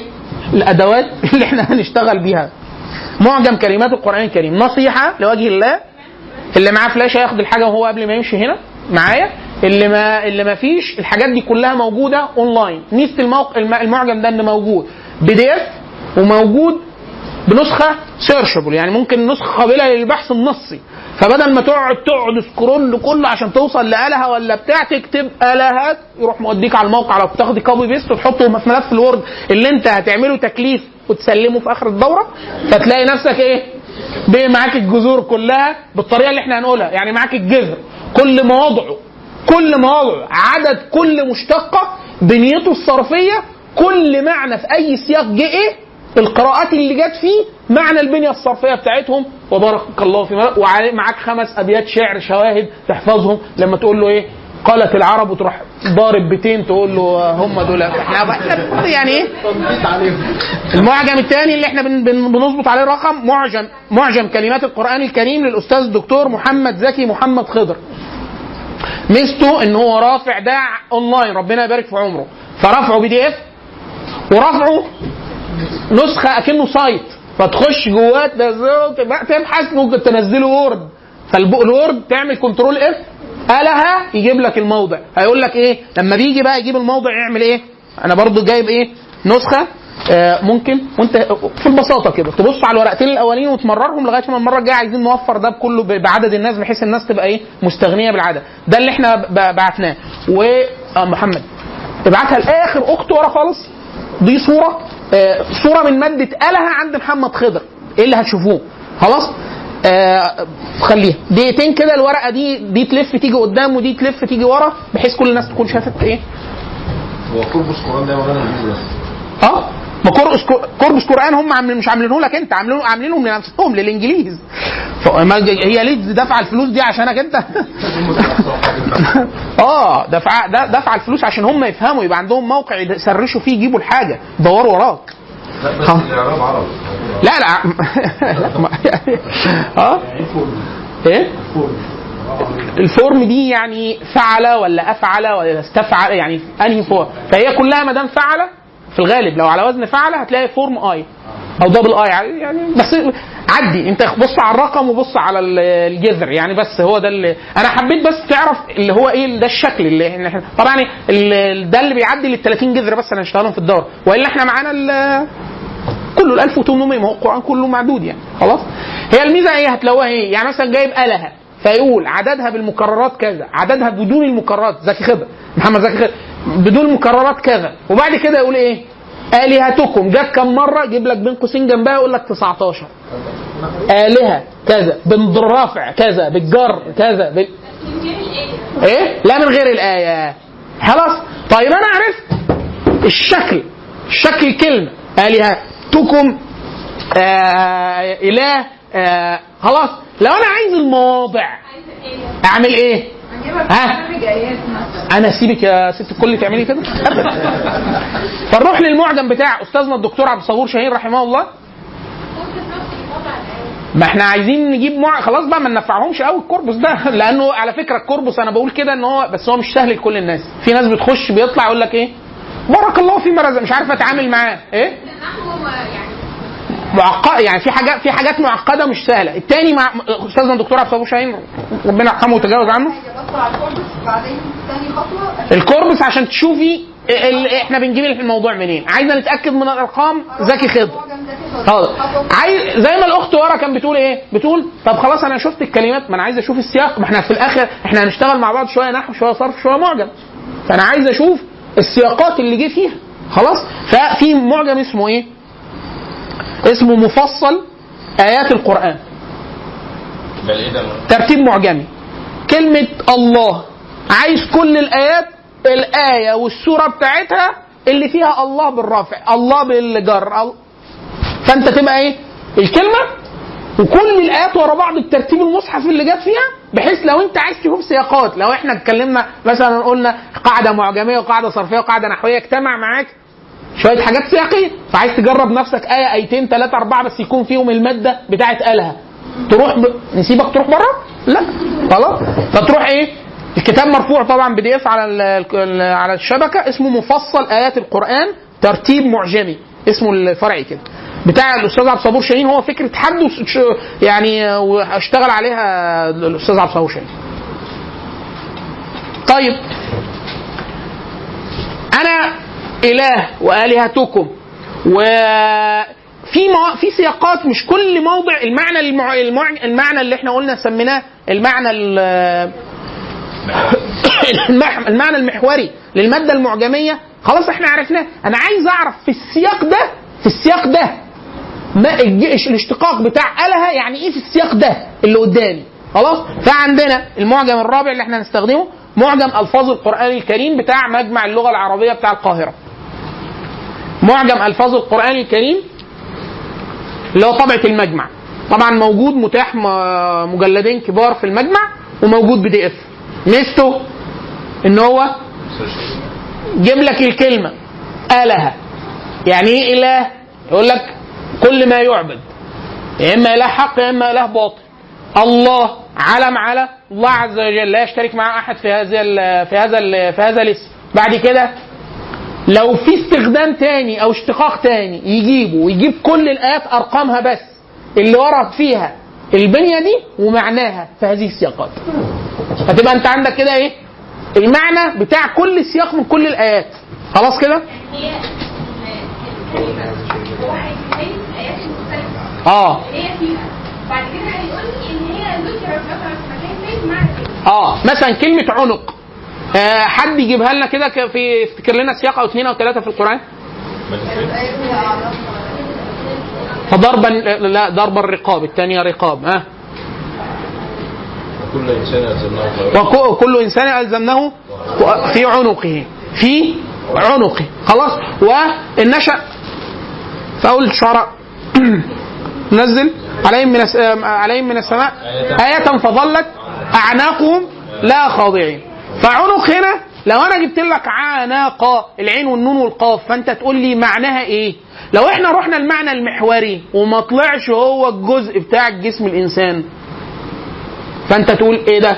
هو مش بتاع الجزء بتاع الإنسان لا ده أحد المعاني السياقية فكل إنسان الزمناه طائره في عنق ممكن تكون عين عنق ممكن ممكن تكون هو إيه؟ العنق أما فظلت أعناقهم لا خاضعين أعناق يعني رؤساء القوم أو الجماعات الكبيرة إيه ده؟ لحظة يعني هي مش أعناق. لا لو كانت مقصود العنق كان قال ظلت أعناقهم لا خاضعة. ما قالش خاضعين على الجمع التذكير العاقل ما جمع المذكر. خاضع كان قال خاضعة. فإيه خاضعين دي؟ الأعناق فظل فظلت أعناقهم يعني كبراء هؤلاء القوم ورؤوسهم لهذه الآية خاضعين. هم الأعناق الناس. آه فانت لا إيه ده والله شوف المعلومة. فانت لما تع... هو المادة كده دي بقى ميزتها إنما يقول لك عنق ومعناها كذا وكل سياق فهنا الزمناه طائره في عنقه هيقول لك معناها السياق ده وأعناق هنا يقول لك الراجح فيها كذا. لأن ممكن يكون حد قال ال- يبدو إن الأعناق على المجاز أو على الاستعاره خلاص في حد يقول لك لا الأعناق هنا معناها رؤساء القوم وبتاع معظم كتب الغريب على إن هي المجموعة الكبيرة أو رؤوس القوم. خلاص؟ فالمعنى غير اللي أنت كنت متصوره خالص من لمح إن هي ليها أحد معاني هي الجزء بتاعت الجسم. خلاص كده؟ طيب فمعجم ألفاظ القرآن الكريم هيساعدنا بقى في الحاجات السياقية. طيب إحنا من باب إيه؟ من باب كمان إن أنا عايز أغطي الجذور دي لو فيها قراءة. لو فيها قراءة لأن القراءات القراءات أحيانا بيبقى بس الخلاف فيها صوتي. بتتنطق إزاي؟ بس المعنى هو واحد. وأحيانا في خلاف صرفي فبيوديك لبنية صرفية تانية بمعنى تاني. واحيانا الخلاف بيبقى إيه؟ بيبقى الخلاف آه، ممكن يكون دلالي. لا ده معنى تاني خالص. معنى تاني أو معنى متقاطع مع معنى. فأنا عايز أعرفها منين؟ فالمعجم الخامس معانا كده اللي هو المعجم الموسوعي لألفاظ القرآن الكريم. بتاع الأستاذ دكتور أحمد مختار عمر رحمه الله. أستاذ اساتذتنا يعني. آه المعجم الموسوعي لألفاظ القرآن الكريم هو عمل يعني يفتخر به المسلمين على الحقيقة في التاريخ المعاصر. أحمد مصطفى عمر. علامة أحمد مختار عمر رحمه الله المعجمي الكبير. المعجم الموسوعي ميزته إيه؟ إن هو بيجيب لك الموضع وبيعمل اللي بيعمله مجمع مجمع اللغة العربية من كل السياقات بس إيه؟ دي الإضافة اللي إحنا هتلزمنا لما ندخل معانا فرع علم تاني زي الصرف أو النحو في السياقات يقول لك إيه؟ دي بنيتها الصرفية إيه؟ يعني ده الكلمة هنا في السياق ده البنية الصرفية على وزن إيه؟ فاعل مفاعلة فعل تف... استفعل يجيب البنية جنبها جنب الصرفية وفي نفس الموس... المو... المعجم ملحق بيه بالقراءات اللي جاية من الجذر. فلو في معنى دلالي إضافي على الجذر يفيدنا يبقى جايبه جوه الموسوعة. فيضيف لك القراءة ويضيف لك إيه؟ البنية الصرفية. البنية الصرفية. هتلزمنا إيه البنية الصرفية؟ إن إحنا إحنا بنتكلم مع بعض هنجيب إيه؟ ال- العربية. العربية فيها أكتر للأسماء مثلا أكتر من 312 بنية للأسماء. بنية صرفية. والأفعال تقترب من هذا العدد. فإحنا عندنا كده في العربي أكتر من 600 أو ست- آه، ك- 600 وحاجة 650 ولا حاجة بنية صرفية. أنا دول أفهمهم عشان أفهم القرآن؟ يحجزك عن الدخول على المصحف ده. المصحف كله يا عمي فيه كام بنية صرفية؟ 80 بنية بس. من 60 طيب. ممكن تجيب العشر اوزان الأكثر شيوعا. أفهم المصحف كله؟ آه. لو أنت فهمت العشر فعلا الاوزان الصرفية الأكثر شيوعا تفهم 80% من المادة المعوية. إحنا هنعمل كده. يعني أجيب إيه؟ مشجرة الأبنية كتير إنساهم العشرة دول دول دلالتهم كذا هوب يكتمل معاك البنية الصرفية مع المعجم مع بعض القواعد النحوية المفيدة. في ده برضه نطلع بإيه؟ بسرعة. ما هو إحنا هدفنا إن إحنا إيه؟ نعمل حاجة مش سريعة يعني كروتة. لا يعني إيه؟ من أقصر طريق. من أقصر طريق. وعشان في الآخر نحس إن إحنا عملنا حاجة يعني إيه؟ آه، فيها نجرب حاجة قبل ما نخلص الدورة إن شاء الله نعمل اللي إحنا عملناه على صورة كاملة. طبعا هنختار الصورة التي لا تصح الصلاة إلا بها الفاتحة. ونشوف إحنا كنا بنفهمها إزاي؟ الأول. ولما والله العظيم هي دي الفاتحة. اللي هي اللي أنا كنت بقراها. لا ما أنا ما حدش قال لي كده.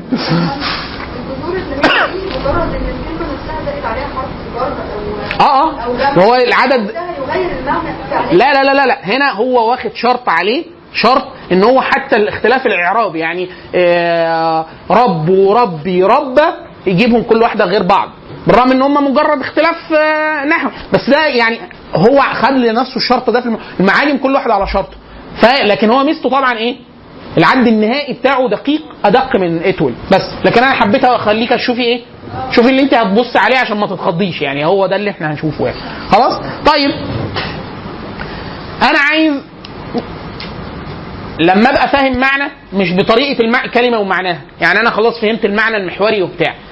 أيوه مين اللي قال إن المعنى المحوري معنى محوري؟ ما أنا عايز أزود الذائقة عندي. أعمل إيه؟ لو كل معنى جبنا عليه شاهد أو اثنين أو ثلاثة ثلاث شواهد يعني ثلاث أبيات شعر. أشوفه داخل سياق عربي.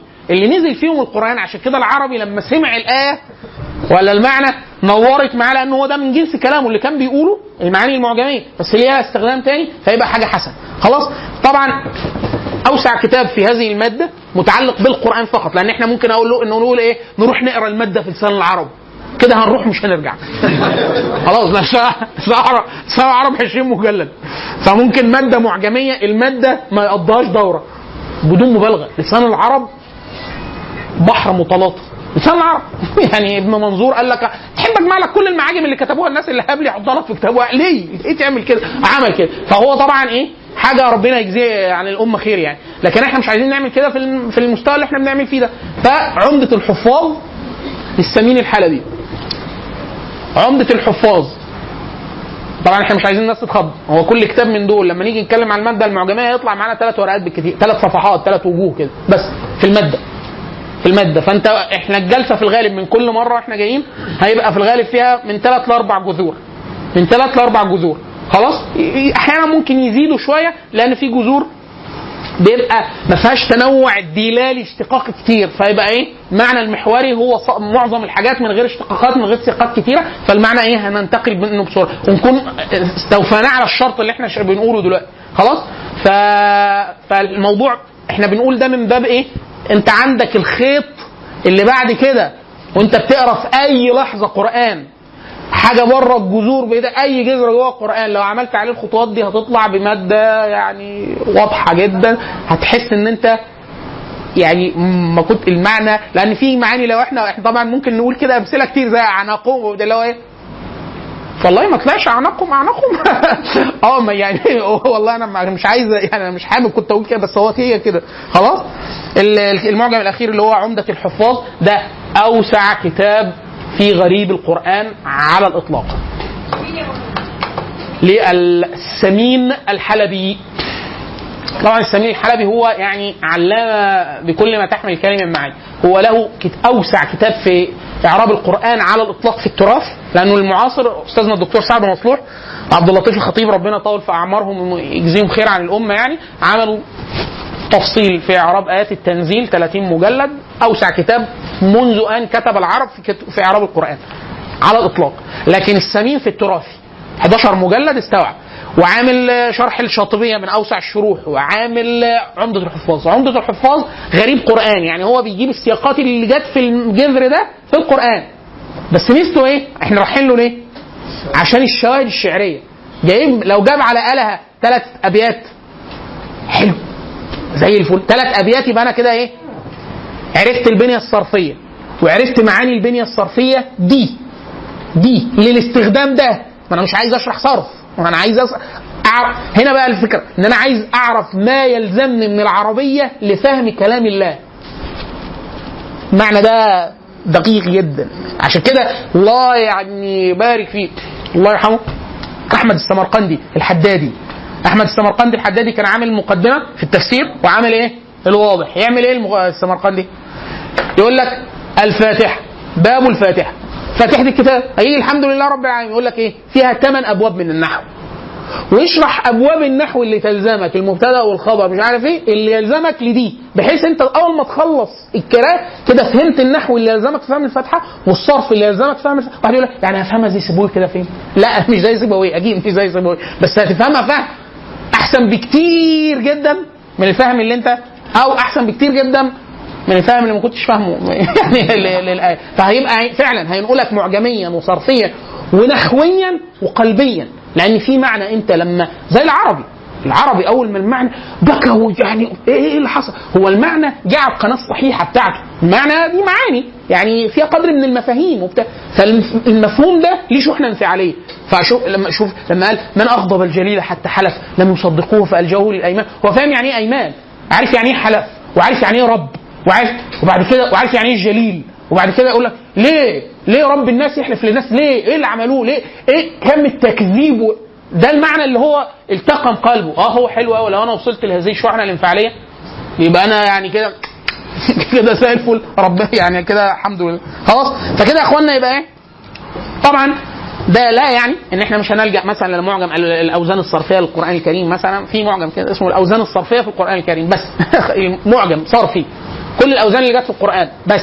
وهكذا. في في حاجات إحنا هنبقى ماشيين حاجات معمولة إيه؟ أحمد السمرقندي الحدادي. هناخد مثلا حاجات من المقدمة في التفسير. ليه ميزته إن هو بيقول لك إيه؟ بدل ما إحنا نتعب نفسنا بيقول لك إيه؟ الفاتحة فيها ثمان أبواب من أبواب النحو. أنا راجع وراه. ليه؟ هو مش معنى إن أنا مش عايز أراجع وراه. أنا عايز إيه؟ لو هو ده فعلا اللي يلزموني يبقى لأن إحنا في الآخر هنطبق على إيه؟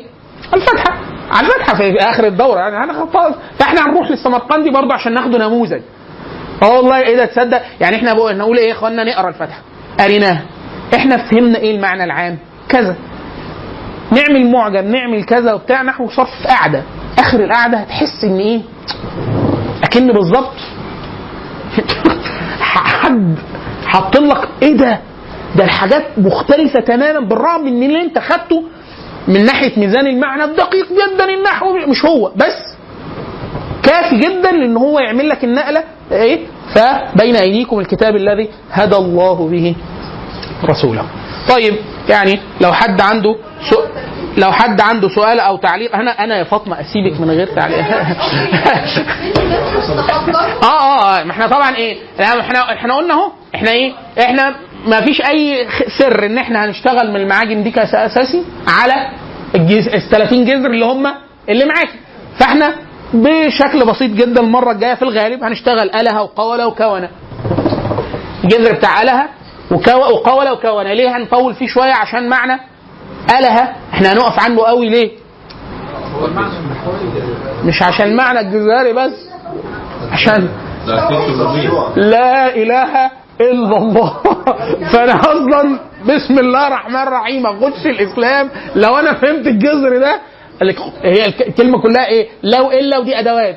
ولا إله إلا الله. فالله وإله هما الاثنين اله لو إيه ده؟ تصدق الشهادة كلها جذر واحد ما الباقي أدوات. أدوات يعني مش مشتقة. يعني إيه ده؟ والله هو الجذر ده بتاع لا إله إلا الله. هو ده الجذر ده اللي الناس بتخش فيه وبتكفر بيه. وبتاع. خلاص. فأنت تخيل الج... عشان كده إحنا ممكن نقول ثلاث جذور بس. في مواضع تانية أظن ممكن ناخد ست جذور. في الجلسة. لكن اله هنقف قدامه يعني آه، هناخده إن شاء الله إن شاء الله. المره الجاية الها وقوله وكونه آه إن شاء الله هنحاول نغطيهم المرة القادمة. قلتها ال flashات؟ آه. طيب أنا من غير أي من غير أي تكليف أخونا محمد عبد التواب آه، رجاء. آه، ممكن تشوف جهاز غير ده عشان ما يطلعش عينينا. آه، أنا هديك ال flashة عليها folder ينقله على ال desktop وأي حد من ال flashات عايزها اسمه آه، آه، معجم ألفاظ ال- الألفاظ القرآنية للمجموعة. آه، folder آه إيه؟ آه ال folder جواه إيه؟ جواه ملف Excel فيه ال 500 جذر الاكثر شيوعا. خلاص؟ وفي عمدة الحفاظ للسمين الحلبي. وفي المعجم الم- المعجم الموسوعي بتاع أحمد مختار عمر. كلها ال folder جواه كل ده. خلاص؟ وفي آه، معجم ألفاظ القرآن بتاع آه، المجمع. وفي مفصل آيات القرآن. وفي معجم كلمات القرآن بتاع خضر. آه إيه؟ لا ال site لا مش موجود. واخدين من ال site ال 500 جذر الاكثر شيوعا. عشان وفي ملف ال 30 جذر أظن لوحدهم. فأنت إيه؟ معظم المادة اللي انت عايزها تقول لي إيه؟ أصل ما لقيتوش جوه ال folder. خلاص يا اخوانا لو حد عنده لو حد عنده أسئلة أو تعليقات أو حاجة مش واضحة آه، في اللي إحنا قلناه أو في اللي إحنا هنعمله إن شاء الله آه، الميكروفون معاك. آه أنا عايز سؤال اتفضلي الميكروفون معاكي آه، طيب هو مش كده؟ يعني يعتبر كل تفسيرات القران الخبري وخير وإحنا كده يعني بنعمل اعاده يا إحنا قادرين يا ريت تعرفي تفهمي اللي كتبوا الطبع وإحنا اللي بنعمله إيه؟ بدل ما أقول لك روحي اقري خلاصة الطبري فهو ولا إيه ده صح؟ ما الطبري كان فاهم لغه طبري طبري ده يعني جبل نفخ فيه علم. فأنا لو قريت تفسير الطبري أنا هفهم كلام الطبري مش كلام رسول الله ولا كلام الله عز وجل. أنا عايز أتعرض أنا أنا شخصيا. يعني أنا عايز أسلك وداني بيانيا عشان أحس جزء جزء جزء من اللي فهمه العربي الأول ده. عايز أفهم كده. وإلا الطبري هيقول لي بكلام ما فيهوش الخصيه الخصيصة بتاعت إيه؟ النور والهداية. يا إخوانا المعنى والله يعني هو هو فعلا لا تتحمله اللغة. إن هو إيه؟ الأعرابي لما قال الأصمعي قال له اولله في الأرض كلام يتلى. يعني واحد يقول لك إيه؟ ممكن أتكلم ربنا؟ قد كلمك. هي دي هي دي المشكلة. يعني هو انت بتقول لك ممكن اتكلم مع ربنا؟ آه. طب ممكن هو يكلمني؟ قد فعل. قد فعل. هو ده اللي معنى عظيم جدا جدا. عشان كده لو حد عايز يعني يعرف عظم المعنى الله الله يجازيه خير. الدكتور خالد عبد الكريم اللاحم. خالد عبد الكريم اللاحم. ليه كتاب يتقري في قعده اسمه مفاتح تدبر القرآن. اللاحم آه. سعودي هو أيوه. الدكتور اسمه خالد عبد الكريم اللاحم. كتاب اسمه مفاتح تدبر القرآن. هو ليه نفس الكتاب مفاتح تدبر السنة. بس إحنا اللي يلزمنا ليه؟ جايب نصوص عن السلف الصحابة والتابعين وبتاع كيف تعاملوا مع القرآن. مع يعني معاني فعلا تحس ج- شعر إيدك وقف لو أنت بتقراها. اللي هو إيه؟ هو فاهم هو بيعمل إيه؟ بيعمل إيه؟ يعني الشاي بالشاي يذكر. آه أبو معاوية الضرير. وكان ضريرا. كان ضريرا على اسمه. خلاص. كان إذا نشر بين يديه. بين يديه المصحف أبصر. كان يقرأ إذا نشر امامه المصحف. فقط. فقط. وإذا رفع عاد ضريرا. خلاص؟ في في كده كتير. ليه؟ اخوانا فعلا الناس من الإلف مش الإلف مش قادر مش قادر يستوعب المعنى. الجن يا اخوانا إيه رسوله الجن؟ لما سمعوا القرآن الجن الجن حسوا إن الكون اتغير. في حاجة الاه السماء اتقفلت محدش قادر يسمع محدش عارف يتح في قرآن نزل. معنى عظيم جدا جدا جدا. بس هو الفكرة في إيه؟ إحنا مش قادرين نحسه إيه؟ لأن إحنا لا عارفين نميز كلام الناس. ولا عارفين كلام رب الناس ولا عندنا ال- الوسيلة البيانية. فأنا بقرأ كلام الطبري. ماشي كلام الطبري فيه قدر من الهداية بس إيه؟ ما فيهوش النص. ما فيهوش فيهوش نص كلام. عشان كده يعني قولة عظيمة جدا. أنتوا عارفين الدندنة حوالين علماء الإسلام الدندنة حوالين هو إيه اسم الله الأعظم الذي إذا دعي به استجاب وإذا سئل به أعطى؟ هو إيه الاسم الأعظم؟ عندنا أربع خمس أحاديث كلهم ظاهريا غير بعض. النبي صلى الله عليه وسلم سمع رجلا يدعو فيقول اللهم إني أسألك بأني أشهد أن لك أنك لا إله إلا أنت الأحد الصمد لم يلد ولم يولد ولم يكن له كفوا أحد. فالنبي صلى الله عليه وسلم قال سأل الله عز وجل باسمه الأعظم الذي سئل به أعطى إذا دعي به أجاب. وسمع وقال آه، آه، دعاء يونس آه، النبي لا إله إلا أنت سبحانك إني كنت من الظالمين. قال دع ده في اسم الله الأعظم. نصوص كده كتير. خلاص؟ طب ده غير ده غير ده. خلاص؟ ففي ناس يقولوا هو وفي ناس يقولوا الله وفي كذا. لكن عند التحرير في في كذا حد جامع ده إن هو لا إله إلا الله. وعشان كده لما الراجل في ال في ال 99 سجل فقال إيه؟ ولا يثقل مع اسم الله شيء. إن هو إيه البطاقة فيها؟ كلمه عشان كده دايما شائع جدا إطلاق كلمة على الجملة. لا إله إلا الله هي دي ميزان السماوات والأرض. من أجل خلقت السماوات والأرض. فهو إيه؟ الراجل قايل لا إله إلا الله لا إله إلا الله قفلت كل هو هو ده الحقيقي هو ده اللي هيحصل. عشان كده حديث معاذ لما حدث به تأثما في آخر حياته معاذ بن جبل أعلم أمة محمد بالحلال والحرام. لما النبي صلى الله عليه وسلم أردفه يوما خلفه ثم قال يا معاذ يا معاذ بن جبل أتعلم ما حق العباد على الله تعلم ما حق الله على العباد؟ فقال الله ورسوله أعلم. فقال أن يعبدوه لا يشركوا به شيئا. فقال آه، يا معاذ بن جبل أتعلم ما حق العباد على الله؟ كلمة عظيمة جدا. لولا أنها خرجت من النبي صلى الله عليه وسلم. حق العباد على الله. طب هو الناس اللي حق على الله عز وجل؟ فقال الله ورسوله أعلم. قال ألا يعذبهم إذا فعلوا. يعني هو بس لا إله إلا آه لا إله إلا الله. بس هي الفكرة عشان كده إحنا بنقول جذر اله ده. آه لا ده أنت داخل على باب إيه؟ من أجل خلقت السماوات والأرض. بس افهم يعني إيه آه، الله أو اله هي المس... مسألة كبيرة جدا. بس الفكرة الإلف. الإلف حاجب. الالف ان هو القرآن. كلام الله عز وجل. يعني سبحانك اللهم وبحمدك أشهد أن لا إله إلا أنت أستغفرك وأتوب إليك. بارك الله فيكم شكر الله لكم. إن شاء الله إحنا كنا يعني يعني أرجو إن المعنى اللي إحنا بندندن حواليه يكون فهم لأن هو دي إيه؟ هي دي محاضرة غريبة على جنس المادة. إحنا بس اللي هنقعد نعمله إيه؟ نمسك المادة شواهد نشرح في هو ده اللي هنعمله. قولي سؤالك. لا يدرى اولها خير أم اخرها لا أكثر أجر من الصحابة. حديث النبي صلى الله عليه وسلم يأتي زمان على الناس المستمسك بمثل ما أنتم عليه له أجر خمسين منكم وفي روايه أجر خمسين شهيد منكم. قالوا يا رسول الله منهم قال منكم قالوا يا رسول الله منهم قال منكم يج... منكم منكم, منكم تجدون على الخير أعوان ولا يجدون. حديث النبي صلى الله عليه وسلم يأتي زمان على الناس آه آه، أنتم في زمان من ترك معشار ما يعلم هلك. يأتي زمان على الناس من يعمل بمعشار ما يعلم نجا. ليه؟ فين؟ ده شاف النبي وتنزلت فيه القرآن و... و... وأظلت الناس آه، سحب الوحي. يعني كان في حاجة تانية خالص. فعشان كده أمتي كالمطر أيوة لا يدرى أوله خيرا. صدق رسول الله صلى الله عليه وسلم.